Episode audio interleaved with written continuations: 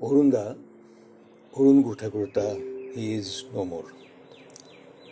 Suddenly he passed away yesterday evening,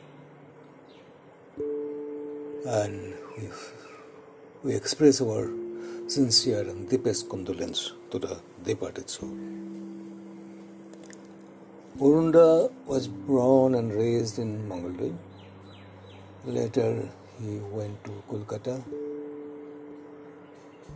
he did the education there and he started working in films.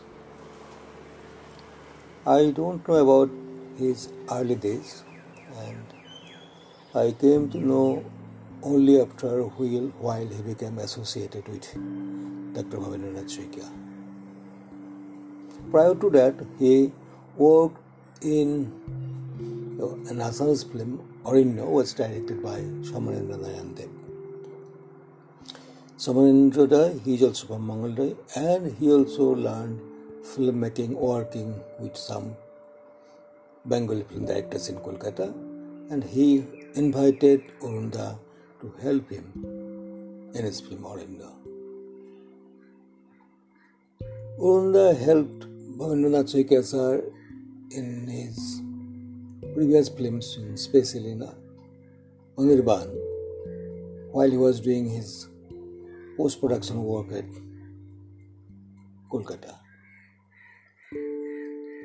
In Saikia sir's third film, Agnishnan, Orunda joined him as assistant director.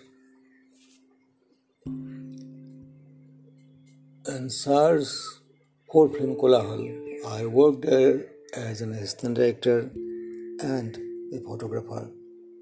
I met Orunda and we became very close. We also did one more film together, that is Haroti. In 1991, I went to Kolkata and I stayed there for few days. I had some works. I met Orunda very closely during those days. We travel together the foreign parts of Kolkata, especially in those film studios. He took me to all those studios.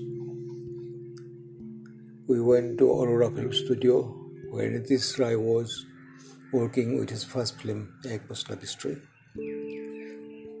there I met Soumitra and Debida also.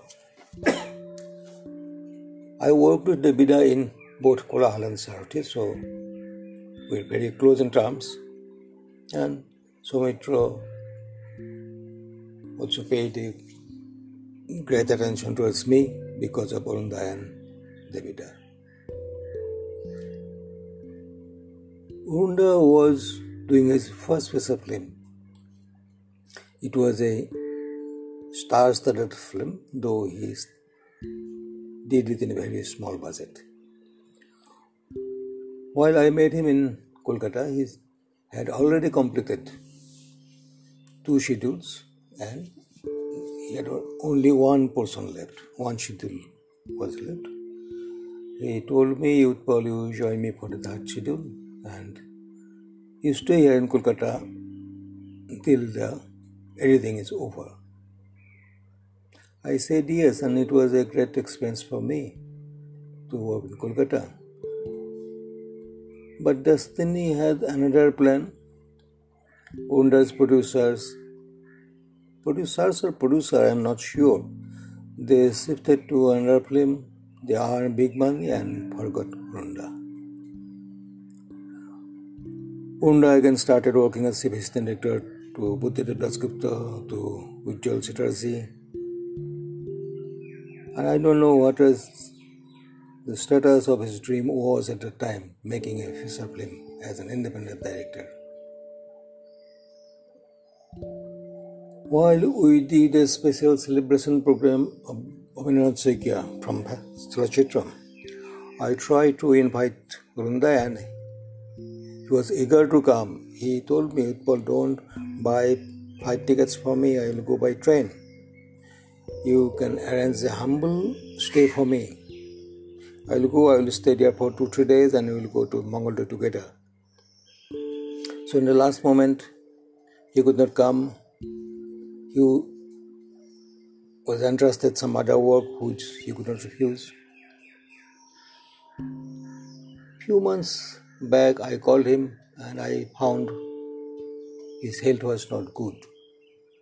Why I called him? I saw one film Cinemawala by Kaushik Ganguly and Urunda played a very major and important role and he did it very naturally and very effectively.